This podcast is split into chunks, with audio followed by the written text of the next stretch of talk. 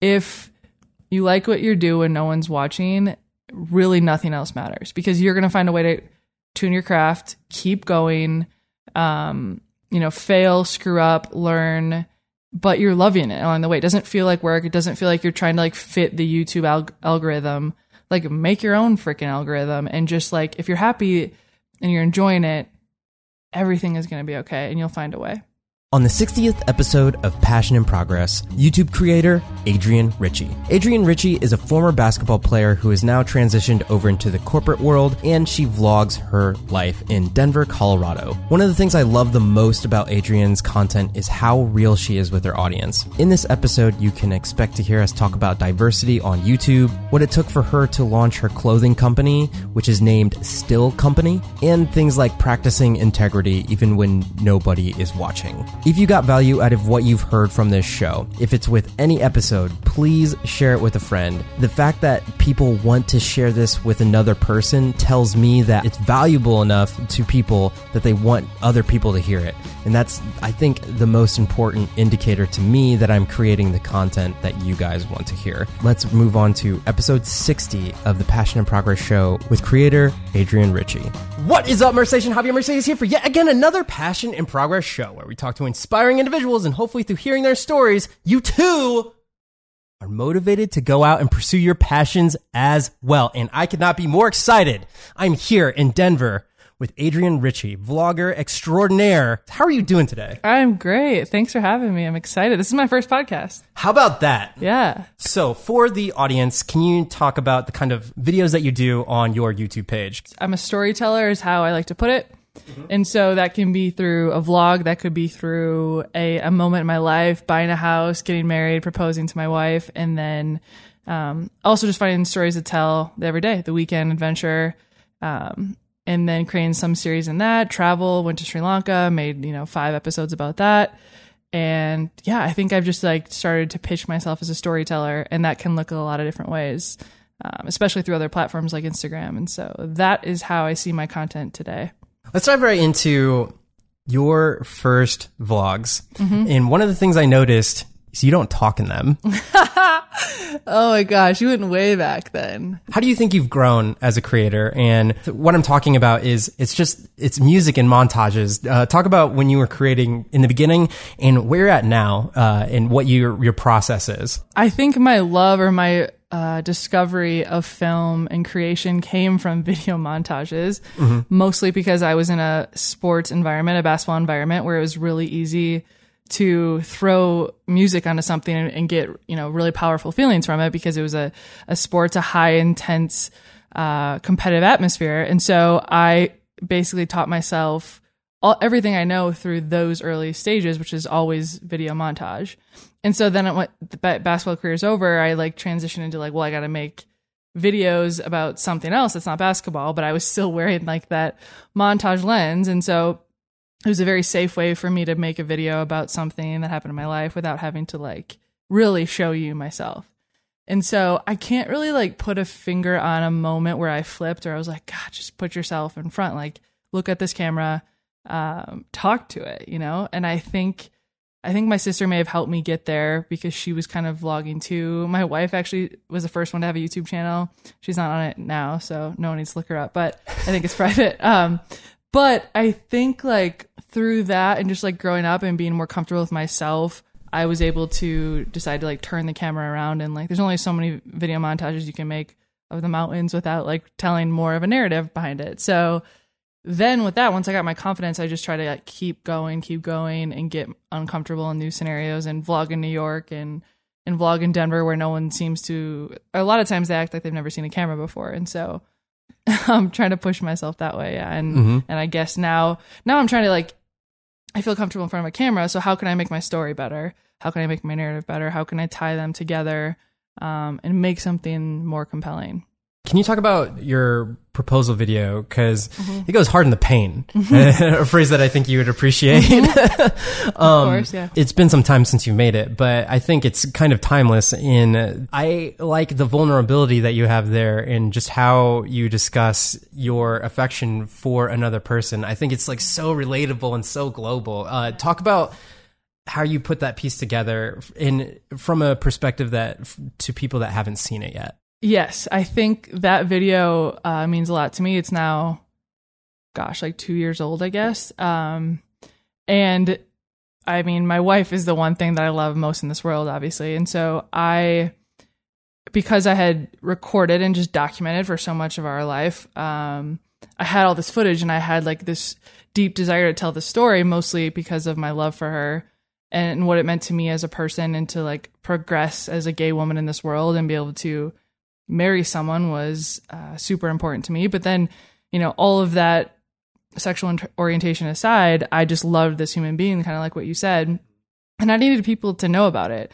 And so I really, really challenged myself to tell that story in the right way because that kind of story falling flat, it would be like, you know, detrimental to me as a filmmaker. I would just feel, you know, I think often filmmakers can look back and kind of like cringe at their old stuff. And that one, I haven't gotten to the cringe point yet, which feels a little good. There's like some questionable video montage in the beginning or like picture transitions, but like I did my best because a lot of it I didn't have footage with. And I just, yeah, I think to your point, it was very emotional for me. Um, I broke down a few times, but it was just so important for me to like, to share that. And I really didn't script any of it. I think I had like a few bullet points and it was me and my sister in my living room, like lying to my wife about what we were doing. I don't even know where she was, but we were just like sat down and I just like told the story.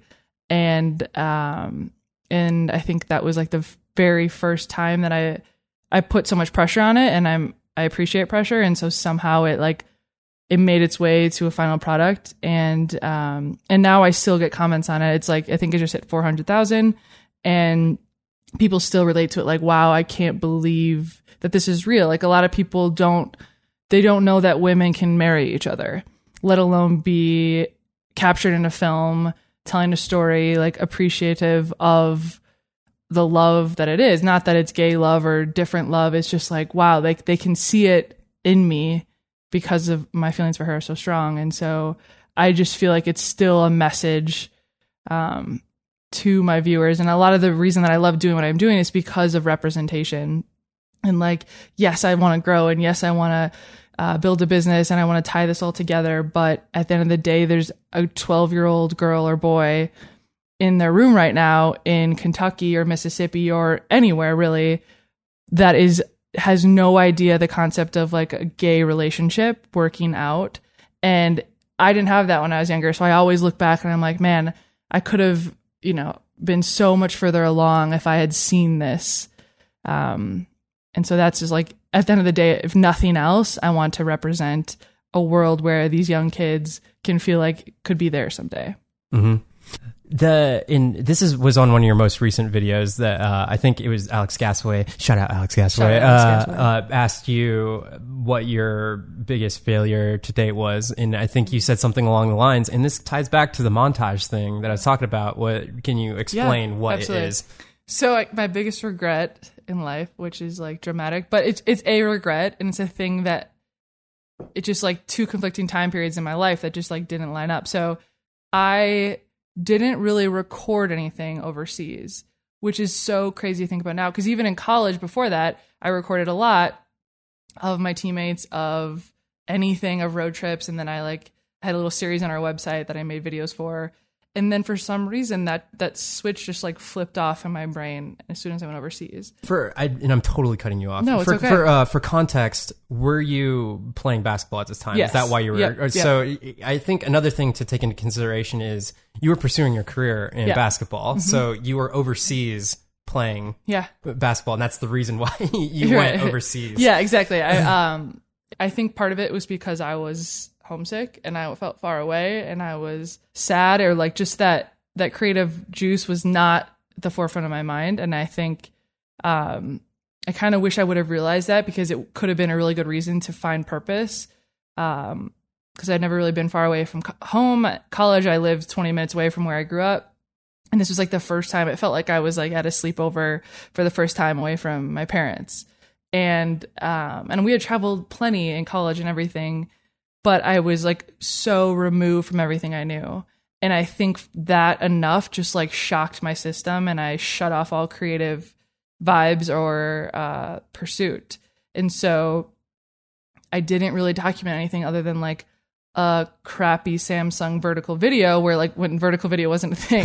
Not in like the cool way of vertical video now, but yeah. like and so I did make a montage video, of course, at the end for my teammates of like seven months and like a 30 minute super choppy, no narrative video, which at least I have that.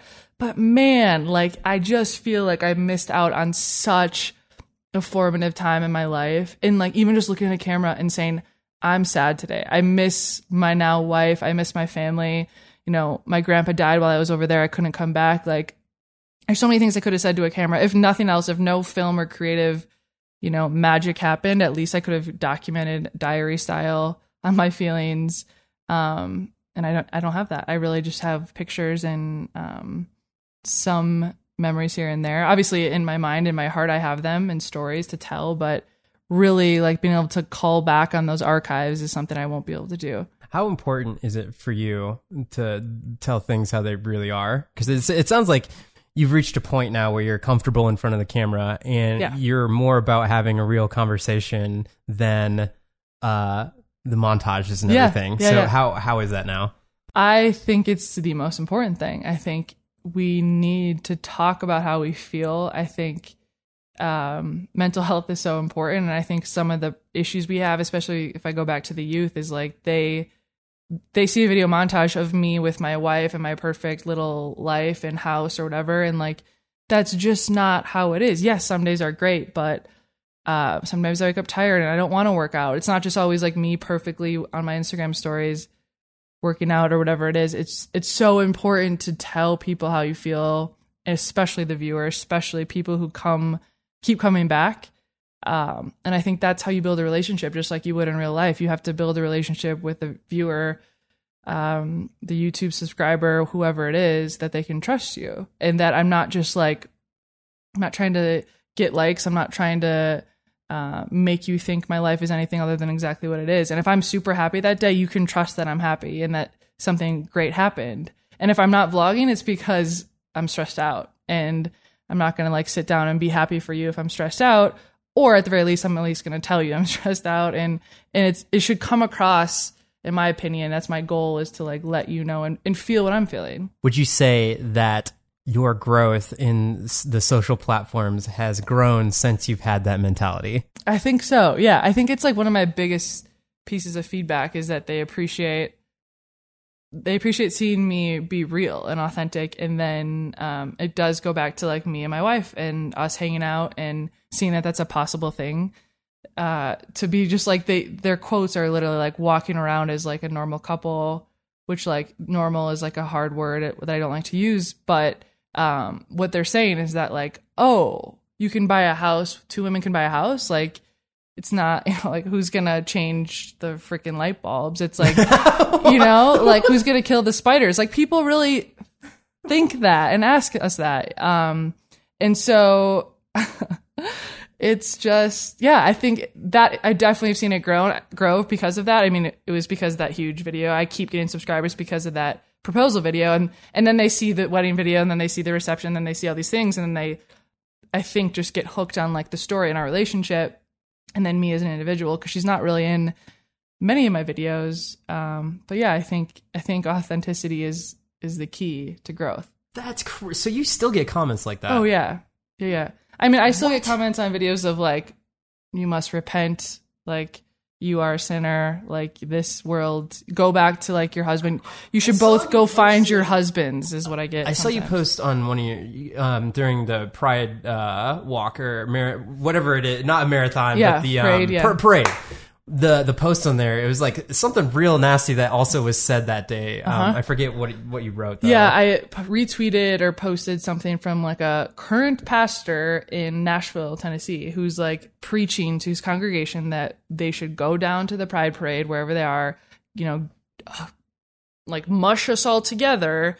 and then execute us like this video is getting yeah. demonetized uh, no more yeah it's scary stuff, yeah. I uh sorry. Yeah, I, I, no, I don't know where to jump right. off from that, yeah, yeah. but um that I I just hate that that's uh still a thing in today's society. Yeah. Um I still kind of staying with that topic. In one of the other videos you did such a good job with was the fair representation um, one. Do you want to talk about how that is, and not Yeah. just YouTube, but just like any platform in general? Yes.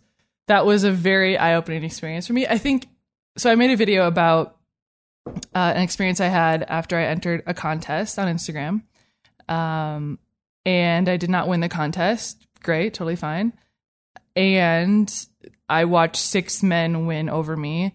And at first glance, I mean, it was a very quick through the winners. Um, at first glance, they all appeared to be white and I think there's there's like some diversity in there, but like here's I'm protecting them already by me saying that. Like to me, it looked like all men who looked the same, and and so I just kind of like I went off and I like found my tribe, which is a lot of the theme of that story of that film is we gravitate to towards people who are like us, and so I wanted to know if the hosts of that contest, um, Jesse and Will, if they had subconsciously just like accidentally picked men who looked like them. And, you know, just like I could have done, I could have accidentally picked queer women or whatever. Anyone who's in, like, you just look and you like see people who are like you. And it's, you know, like basically conditioning us for many, many years that that is safety. If they look like you, they're safe. And so I want to dive into that. I want to know if it was a conscious decision, how many women entered, why did not, why were the women who entered, uh, why was that volume so much less than men? Um, and then you go really far back. It's because we're taught at young age um, that maybe technology isn't for us. It's a man's world. Engineering is a man's world. Um, all that. But throughout that process, I think they were all things that I knew. I I know what white privilege looks like. I know, you know, Cody said it best. He's like, I am the definition of white privilege. He's a white straight man, um, you know, middle upper class, and and that's what this looks like. And She's referencing another YouTuber Yeah. for those that don't know. Cody Wanner, yeah, He's also on the podcast. yes, Forget the episode, episode. thirty-seven or something. I like just oh, listened wow, to it. dang. you know that. I just Uh, listened to it, continue. yeah. uh, yeah, sucking up to the teacher. But um, I think it's just like let's talk about it. Like it's not anyone's fault. It's not Cody's fault that he's white and a male, but it's his fault if he stays in that lane and just decides to like only see the world as a white male. And and so that's the message I want to get across that we have to like peek over at each other's lanes and understand that like a situation like that contest could treat me or make me feel one way and make a white man feel another way, make a black woman feel another way. Um, I talked to Brittany, who's a filmmaker in LA, and she feels absolutely invisible on any set in LA. Um, they can't believe that she's hired, essentially, in a lot of cases. Uh, and so, yeah, it's just kind of about that and like getting out in the open, like, let's talk about it. What makes us feel uncomfortable? Uh, where do we flock to? And then just like kind of just moving that conversation along. And in Jesse's defense, she, he did talk to Oh, yeah. in that video. There, Oh, yeah. There's no like they definitely. You should watch the video. Yes, for- you should. Because I talked to Jesse, the put owner or the the guy who put on the the contest, and I met him at three six eight. Before that, like he's a really good guy, and I and I like him a lot. And I it wasn't like the video wasn't meant to like catch anybody in the wrong, but it was like also he had a few moments where he he said he's like, oh, I never thought about it that way, and like that's that's all we're trying to do here is like let's just think about things we haven't thought about before. He definitely thought about. Um, you should watch the video, but Yeah, yeah. just a little teaser there for you. But Boom. boom. Don't click off this video yet, Yeah. though. um, yeah, that was definitely one of the things with my podcast is I'm always looking to um, keep it as diverse as possible. And to me, that's not necessarily a, a, a conscious, like I have to make a, a conscious decision because my dad's from Dominican Republic and my mom's from Columbia City, Indiana. Yep. Even growing up, it took me till high school to realize like, oh, there's like, there was things of segregation, all this other stuff. And now, now I know, but Right. it's just, it's, it's weird in today's, um, society, I guess, that kind of mentality.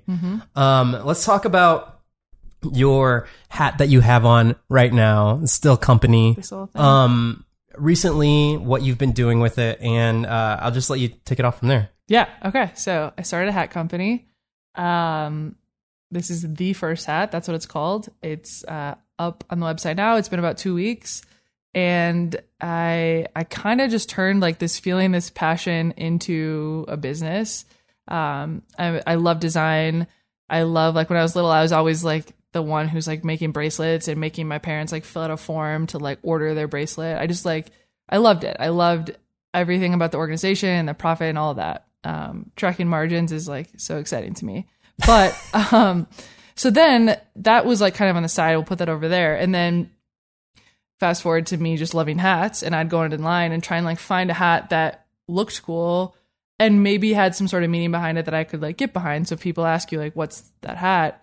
Um, it wasn't just like the North Face like everyone else has. Like I wanted something that was a little different with good design and comfortable, and I could not find that combination anywhere. I would buy hats um, that looked cool, get them in the mail, like scratch your forehead, not great material, um, just just not what I wanted over and over and over again.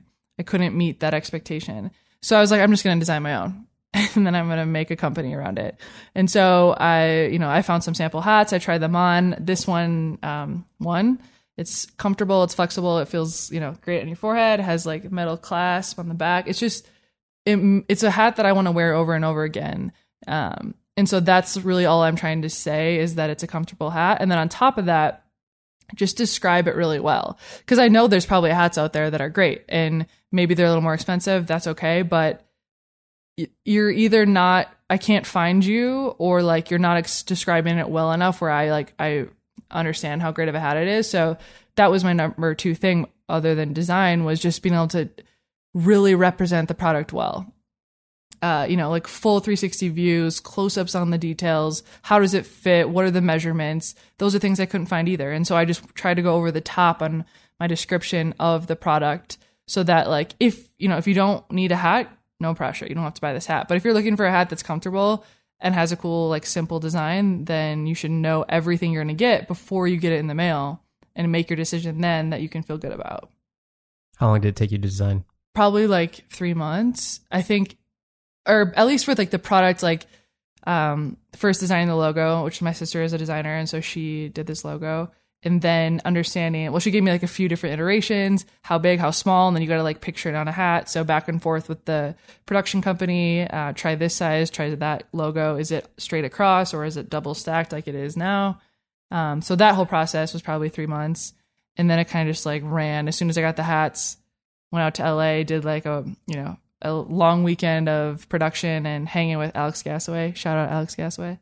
Um, and Connie Bizelski and just like being around that creative vibes and creating all this content that you'll basically everything that you see on my uh, We Are Still Co Instagram page is from that weekend and still have a lot more to create. Um, I think I mentioned to you that I'll do like a, a, short series on how I started the company, all the behind the scenes. Um, right now, there's just like a few vlogs up that show some of the process, but the full details are are yet to come. So, what does still company mean? To me, um, basically like how I came up with it. I just wrote a bunch of words down that meant something to me. Um, I always say keep going. Um, you know, this is only the beginning. Like persist. And so I really like the idea of two words that would conflict with each other kind of naturally. Um, so like keep going is one thing. You know, a lot of people say. I think Adobe like coined it too. Um, but like keep could be still. Keep could be pause going could obviously means go. And so I liked still. I really like was hung on still. I couldn't find a word to go with it. And then one of my friends was like, "What about just still company?" And I was like, "That's it." And so still to me can, does have a double meaning. Still, still. Um, it's like pause, but it can mean persist. Like you are still creating. You're still going. And so I think it's open to interpretation for for anyone. Um, I like that it's not super obvious, like keep going, you know, it's not trying to be like trying to solve the world's problems all at once, but it's just like it's a simple way if you want a good hat and just find a way to like pursue anything. And I think that's what it means to me. Hardest part of starting it, what was like the nitty gritty of actual because it, I know it took like three months to get to that point, yeah. but even for me, building my website and everything like that took me three months yes, to like exactly. to do to yeah. that. So, um, what what are some of the trials and tribulations of doing your if if it's the hat, the company, yeah. what, what anything, yeah, accounting, keeping right. margins, yeah. What is it? I think a few things. One would be I, overall energy or just like time. Maybe not energy because I definitely I I work a nine to five, and so I come home and I was like all in. I was so up for it. I would work at nine to five and then spend another five hours editing or uh, planning my website and doing all this stuff because I loved it. And it was just like filling me up so much inside. I didn't care that I was spending my time there and not maybe out with friends or something. Um, and then I think the website stuff, just like the finicky, like hook your Squarespace up to ShipStation, to Stripe, to all these things. And you're like, gosh, like that was all like some of the last few days before I launched. And it was like, you, you thought there's like just your like housekeeping, just like tighten things up here and there. And it's like, no, actually, you have eight hours of work at least to kind of tie this all up. And so those last few days before, I was like barely sleeping, but it was worth it. It was fun. And again, it was just like the adrenaline. It didn't feel like work because it's really, really fun. And so now I'm at the part where I got to figure out the shipping. Um, and I mean, I have it figured out, but it's just like actually shipping it from my right here, I guess. This is probably my, it'll go from podcast to shipping station here pretty soon. And then, and then, yeah, I guess you could ask me that in a couple months and I'll tell you probably something different. So you'll get the actual just in bulk the hats here, and Yep. then you will ship manually Yep. from this place. Yes.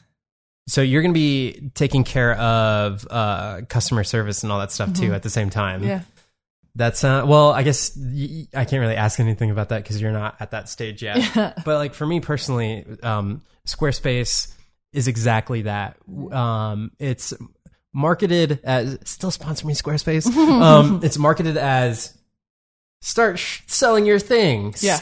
pull these blocks onto this Yes. website in Simple. and then do it. Which I will agree that it is. Yes, it's it's it's very intuitive to a point, but what you were just talking about actually it's the other stuff on the back end. So using Squarespace is really fast, but there's like if you want an email list, how do you set it up through Mailchimp and then you have to sign up for Mailchimp and then you have to like make sure they're talking to each other and keep checking on that stuff. But then with like what you just said with Stripe, you have to set up your account with an external third party, make sure they're talking to each other, maybe do a fake purchase and be like, "Oh, am I able Right, to exactly. reimburse? Am I not able to?" There's Yes. Uh-huh. so many questions that go through your head when something like that happens. Yep. And then what does it look like, you know, when I get an email back from a company, what does it look like, um, you know, that your order was successful? Like, what is that experience like? Everything's an experience and you have to be so careful with it. And even putting disclaimers like only shipping to the US right now, um, you know, free shipping or like no returns, all that stuff, making sure you put that in there because you're protecting yourself now. Um, something that's bigger. But yeah, and then also like when you tie all those softwares to each other, you know, sometimes it's like here's all right, here's 20 bucks per month on this thing, here's 30 bucks per month on this thing, and now that's cutting into your margins because you need to like sustain this system, this ecosystem really, in order to sell a hat. And that's great. And of course there's overhead. It's just like understanding what you're getting yourself into and making sure you're getting your returns in a in a easy or efficient way. What was your best source of information when you were learning through that throughout that process? Um, Google and I talk a lot to Alex Gasaway. Shout out Alex Gasaway. um, I just like tried to bounce my ideas off her, off Connie uh, Bazalski, who's another YouTuber, and just kind of like, what did you do when you hit this thing? Um, or like just going out to LA and even just like being doing it in front of her. They're just kind of like, how about this? Or have you thought about Instagram Shop? Like, it didn't even occur to me about Instagram Shop until Alex told me. And I think it just goes this whole thing. I'm just winging it. Like every YouTube, I'm winging it in a sense. Like you just have to like do it and like fail and like screw up. And you know, the last forget to sign up for Mailchimp until the, the night before. Like that's just you're never gonna know perfectly because you've never started a hat company before. So just start a hat company, and then you'll figure it out. And my second and third and fourth shipment will be better, and my experience will be better, and you know ac- my actual packaging will be be better, um, and all that. Like Instagram Shop is a good example of like I needed to give it a few days to get approved, and I was like doing it the night before I was launching. And so I was just like, of course. But now, uh, now it's up and it's working. It's all fine. And like nobody really knows the difference in those two days of when Instagram Shop wasn't up or you know when it is now. Sure, maybe I lost a couple sales, but like it's going to be okay, and it's up now, and I'm learning as I'm going.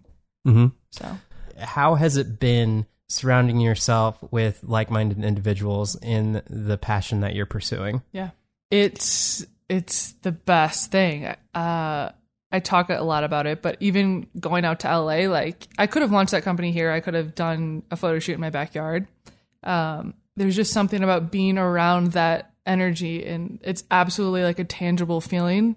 You know it when you feel it. You know it when you see other people like you. Um, and so I don't have a, a massive like Denver collaboration experience. Like my sister's creative, and um, but she does it professionally, and so I think sometimes her juices are all run out by the time um, she gets to six o'clock happy hour. And she's she made my design. She's great, and she like definitely uh, facilitates a lot of those conversations for me. It's just different when there's someone who's like doing it for you and has already been there. Like I feel like Alex and Connie have already like notched a lot more on their belt than I have, and so I'm like behind them, and I'm just trying to like you know watch what they've done and and learn as I go. And so to be in in a room or even you know Connie, I didn't spend as much time with her, but we did get brunch like the three of us, and then Aaron, Aaron Alex's wife, and it's just like oh my gosh, like we can just talk about did you see that last YouTube video where um, you know Nathaniel just made this and that? And like could you believe that? And that's a conversation like I found myself so many times saying I've never had this conversation before. Or not like this. Like I had to really pursue it or there's so many ways on Instagram or on Twitter where you can reach out to people and, and chat and that's great but like being spending so much time with Alex I stayed at her place for two three days and we just got to like accidentally stumble on all these creative conversations that was which is so fun. And so, um, yeah, sometimes being in Denver, I think it's upcoming, and I'm trying to find more Denver creators, and I'm trying to be one of the main ones so that people can find me and the YouTube the, creator, yeah, Denver creator, yeah. Um, and I think it's just like I'm gonna foster, it, I'm gonna like manifest it out into the world, into Denver's universe, and and see what happens. But there's so there's something to be said about about that. Even this, like coming, you coming in here is just like we just set up cameras and there's like you don't have to there's no like buffer of like so I'm setting up a tripod now and that tripod is used to hold a camera like with someone who doesn't know or like what are you doing that for like why are you putting it over there it's just like yep here we go put the lamp on the table and it's like it's better for the lighting you know it's just like that's so refreshing um and yeah i love it talk to me about doing your full-time job creating, doing a business, how, and then living your own life. Um, because you share a lot of what you do too. Yeah. Uh, that's part of what you do as a creator. How has that journey been so far? And um, has it taken a toll? I know we kind of grazed on it earlier. Mm-hmm. I'm like, oh, I might vlog this time or not. But where do you? It sounds like your most of your time right now is spent getting the company um, running efficiently. Yeah. But where are you at right now with just like splitting yourself into uh-huh.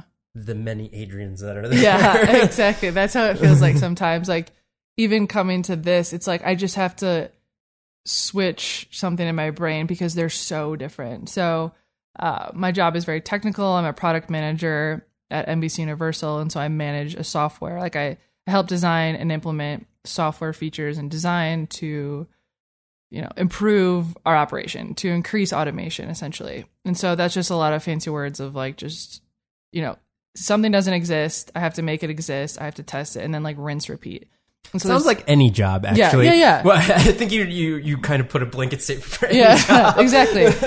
And i think any yeah any job could go through that workflow. Yeah. I think there's just like a lot of pressure and i have to like oversee a lot of people and um and make things happen. And there's deadlines and there's like you know a lot of hands being shook in meetings that i'm not in and then i have to go like execute on that plan of course any job.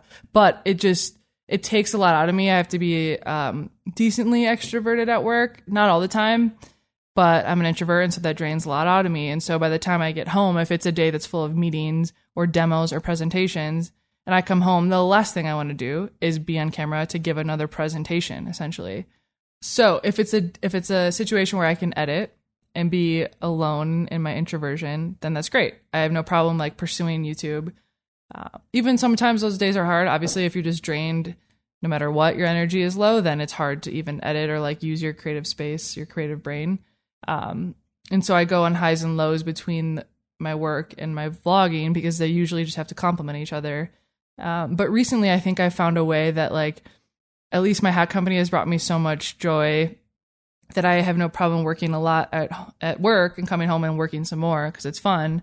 and then also making sure I don't get burnt out. Um, my job, I have to travel a lot, and so sometimes that allows me to like vlog in New York um, or vlog anywhere I go, uh, usually LA or New York for work. And so that presents a new opportunity. But then even then, it's like really hard sometimes for my brain to say, okay, I'm going to New York for this big workout session or big presentation or big, you know, there's like real tangible output that I have to do for my real job. And so if my mind's thinking about that and being prepared and, and doing that presentation, how could I just like whip out a camera and also think about my story and my transitions and the narrative and like my b-roll? It's really hard to do both of those at the same time. Sometimes i can pull it off. My, maybe my vlog is weaker or my what my real job is calling for isn't as high intensive. And so i can find a way. Um but i think i need to get back or i want to get back into being able to like vlog more frequently and do well at my job i just i never want one to kind of or at least my real job to be hindered by my daydreaming of vlogging. Like that definitely happens because sometimes, um, you know, when I wake up, I'm like, oh, I'm to do so many creative things tonight. I can't wait to get home and, and make a website and make a new GIF and uh, do a vertical Instagram or tweet. Um, that's so fun. And then I go to work I'm thinking about it. I'm still like killing it at work and doing all these things. And I come home and I'm like, yeah, right. Like I can't do anything today. Like I'm so tired. Um, but then sometimes I'm like, I'll go creative at night and I'm like, wow, I did so much today and I am loving it. Like I'm so tired, but I am loving it. And those are the best days. Um, I wrote it down, I think like in my, one of my journals of like, you know, you're happy when you're like exhausted or basically what we're saying after 10 hour day, I want to come home and I want to work more. Like that's how I know that I'm happy. And I think I'm in that sense, I'm the happiest I've ever been and being able to like work and create simultaneously. I think it's nice hearing a tale of vlogging from somebody that has a full nine to 5 mm-hmm. also enjoys vlogging, but wants to excel at both. Yeah. Um, I think a common thread is how fast can I get popular as a vlogger to exit from mm. my normal job? great point. Um, but from what it sounds like from your perspective, you enjoy doing both. Yeah. Yeah. I've never really thought about that way. I mean, I have, like, I know uh, people are like, you should do what you love. And I actually really do love my job. Um, it's challenging. I get, I work with great people. I get to travel. I get, um, I honestly like, I learn so much through that job that absolutely translates back to YouTube. Um, or even just like planning a business and understanding timelines and how much, how long things take uh, prioritization, telling no to people, um, in talking in front of. I think like YouTube and presentations go back and forth. I think you know it's like the chicken or the egg, which one helped first. But I feel comfortable in front of a group of people because I feel comfortable in front of a camera, and in the same way back and forth. And so they they do have, although they're so different, and one's technical and one's creative, there are skills that I can use on a daily basis in both you know arenas and I have no plans to quit my job. I just want to do more. I just want to be able to do my job and start a business and just like you know, I, in some ways I'm motivated by um, the ladder, the career ladder. Like I'm that is in my personality. Um, I think it goes back to me being an athlete. Like um, I'm definitely motivated by getting better and going further in my career, and you know, naturally that means moving up, making more money. And if I could find a way to be able to like excel at both, I mean, that's that's the dream, especially if one allows me to travel or take more time off. My my job, I'm lucky that it gives me flexibility and, and PTO, and so I can take trips with my wife and my family. Um, yeah, I guess I never really thought about that. I mean, I've definitely thought about like, oh, it'd be great to like sit in a studio, um, quit my job, and like sell hats and create in a studio on South Broadway in Denver. And I wonder if like that would be enough for me. I think I love having a place to go every day where I know exactly what's going to happen in a sense. And vlogging sometimes gives me anxiety thinking, or like a full time YouTuber, because my personality doesn't fit like that spontaneous life. I like routine and I like that anything spontaneity is something I can choose to do here and there. Um, but my life doesn't depend on it. My paycheck doesn't depend on it. That's very well said. Thank you. Thank you. Sometimes I just feel like I'm babbling, and then I'm like, I should end the sentence now, so you can ask me another question. I, I think it's a good representation of those people, I, and I think. Uh, and I talk about this a lot on the podcast. There's an event that we both went to where we met was the Creators Offline um, by Genki Hegata. Uh, shout out. He's also been on the podcast. During that offline event, there were different speakers there, and one of the speakers, their whole speech was about like you you can have a full time job and do so, like YouTube is my creative outlet, and it was just good to hear that argument or opinion or whatever you want to call it versus uh let's use camera all the time be a Right. youtuber all the time Yeah. you you the tubes Yeah, exactly. Yeah, I think there's different flavors. You can like mix it up, and to think, I think that works for a lot of people. A lot of people could not imagine sitting at a desk like I do and going to meetings and like working for the man.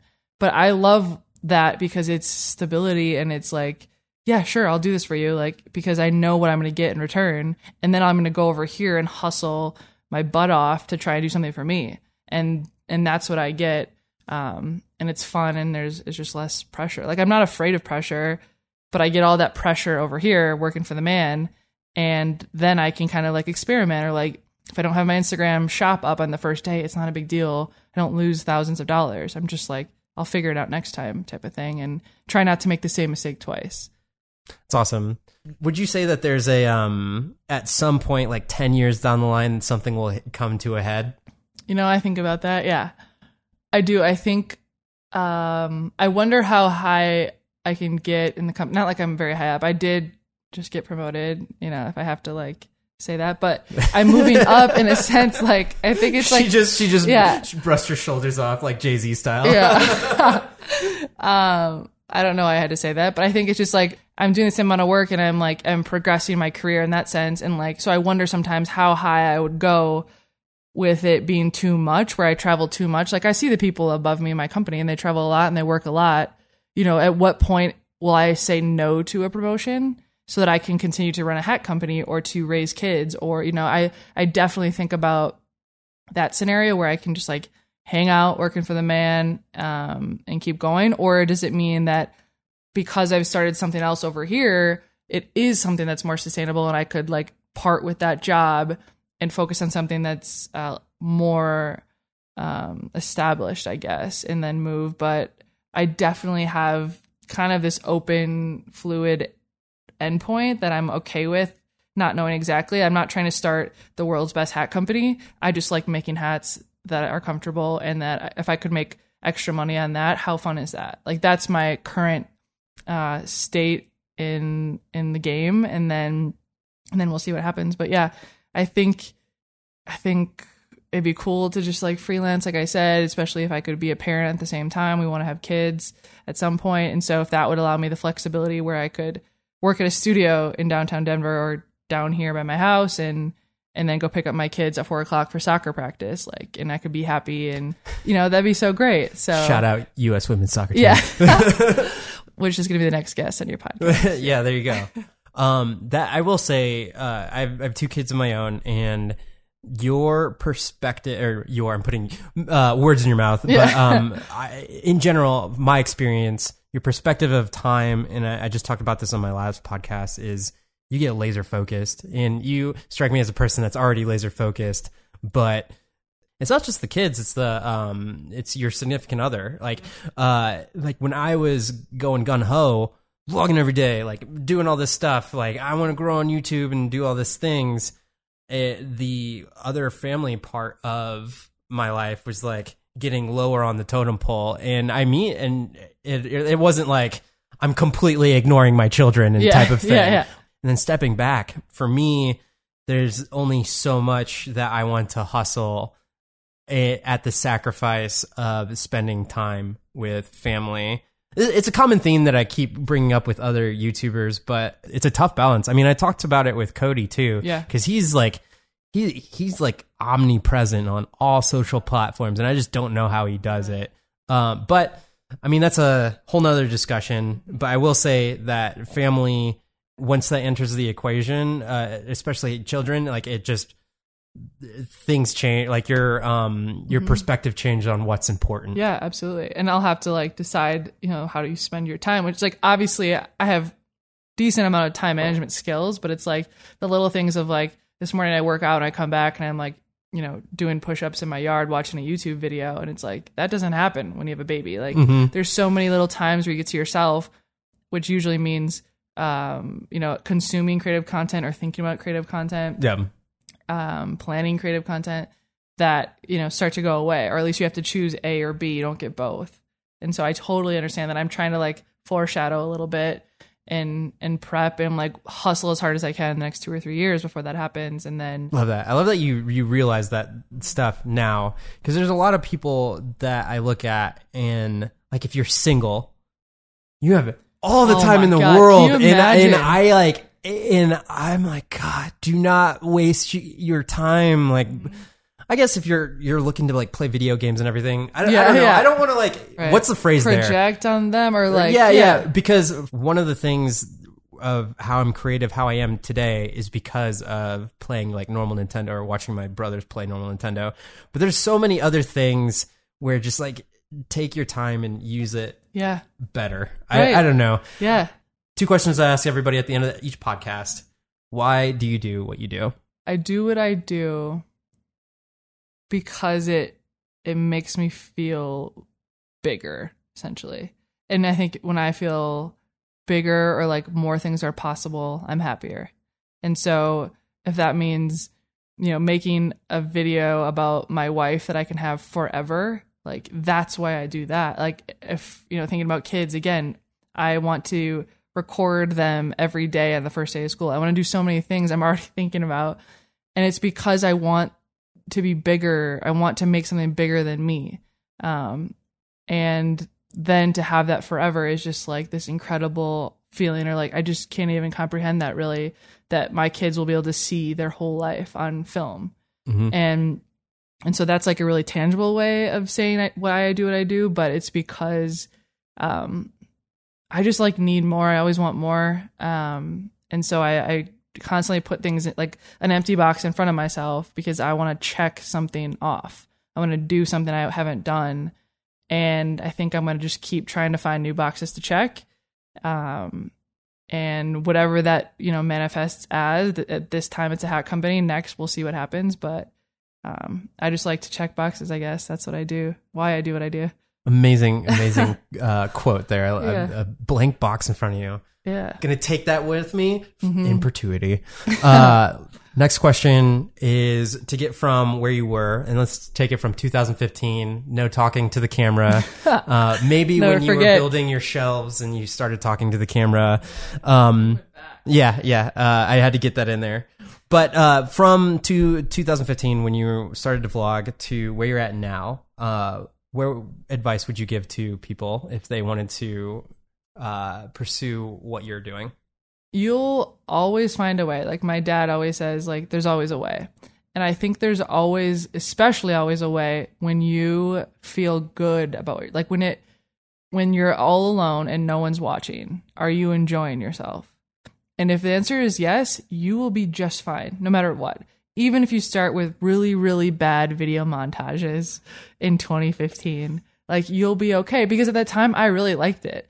And if I wasn't doing that in 2015, I would not be doing this in 2019. And so I loved editing videos, and there's probably 300 views on those videos, which actually is a lot now, like really in perspective. But if you like what you do and no one's watching, really nothing else matters because you're going to find a way to tune your craft, keep going, um, you know, fail, screw up, learn, but you're loving it along the way. It doesn't feel like work. It doesn't feel like you're trying to like fit the YouTube alg- algorithm. Like make your own freaking algorithm and just like if you're happy and you're enjoying it, everything is going to be okay and you'll find a way. Uh, what does the term integrity behind closed doors mean to you? Ooh. I think that is self commitment and self motivation. Um yeah, it goes back to like when no one's watching. So like today, like I have so many goals that I have in my own mind that I don't even need to tell people. But like today I decided I'm not drinking beer for like a week, which is like a silly thing to use, but I could have like that was in my head and I could have sat here and had a beer with you because it'd be fun and we're you know we're doing something but I know that I made a promise to myself that I wasn't going to drink beer for a week or whatever it is. And so to me it's keeping a promise with yourself. And if you can hold that promise everything else is going to be that much easier. If you can't even hold a promise with yourself, how are you going to be able to promise your spouse, your coworkers, uh, your family members, anything if you can't at least have it put together inside. Um, I just don't think you can have the external promise without your first internal with yourself. Do you think some of that stems from being an athlete in the first oh, place? absolutely, yeah.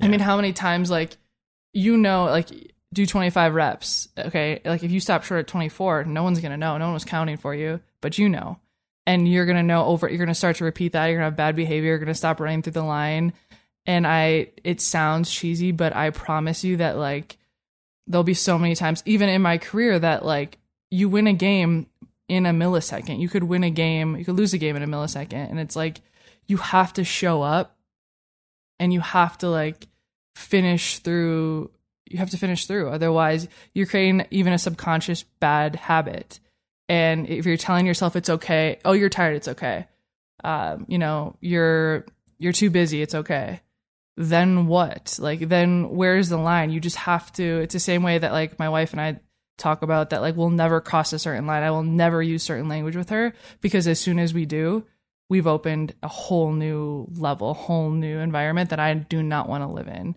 and we just refuse to cross that line. So we always know we're always keeping that promise with each other, and so yeah, you just have to like show up for yourself and and kind of like hold that promise um, and then everything else kind of just falls into place and and you've created a, a, behavior in yourself that you can use you know with anyone in your life and with anything you do in your life. There you go. Where can people find you? You can find me on instagram twitter adrienne m. Ritchie.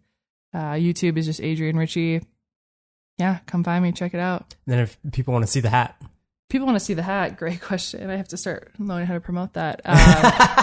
Um, uh, we are stillcompany.com is where you can find the shop instagram is we are still co uh, you can buy it right through there find the website through the instagram shop because it's live now uh, yeah at we are still co on twitter as well come check us out um, and then videos yeah on youtube showing that process of starting a company will be coming very soon probably by the time this episode's out you'll at least have one to look at boom and people have context uh, by listening to yes. this and probably checking out the video. Absolutely.